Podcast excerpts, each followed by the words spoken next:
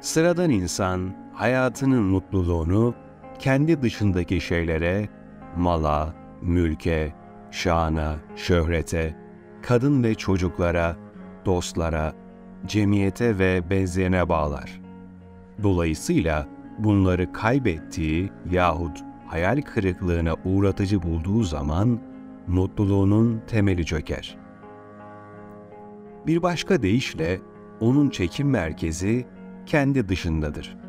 Her heves ve arzuya bağlı olarak bu mütemadiyen yerini değiştirir. Eğer bayağı bir insansa bir gün bu onun sayfedeki evi olacak. Bir başka gün yeni satın aldığı atlar olacak.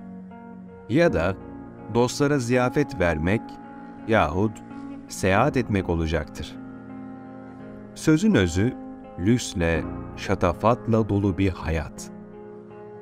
Bunun sebebi zevkini kendi dışındaki şeylerde arıyor olmasıdır.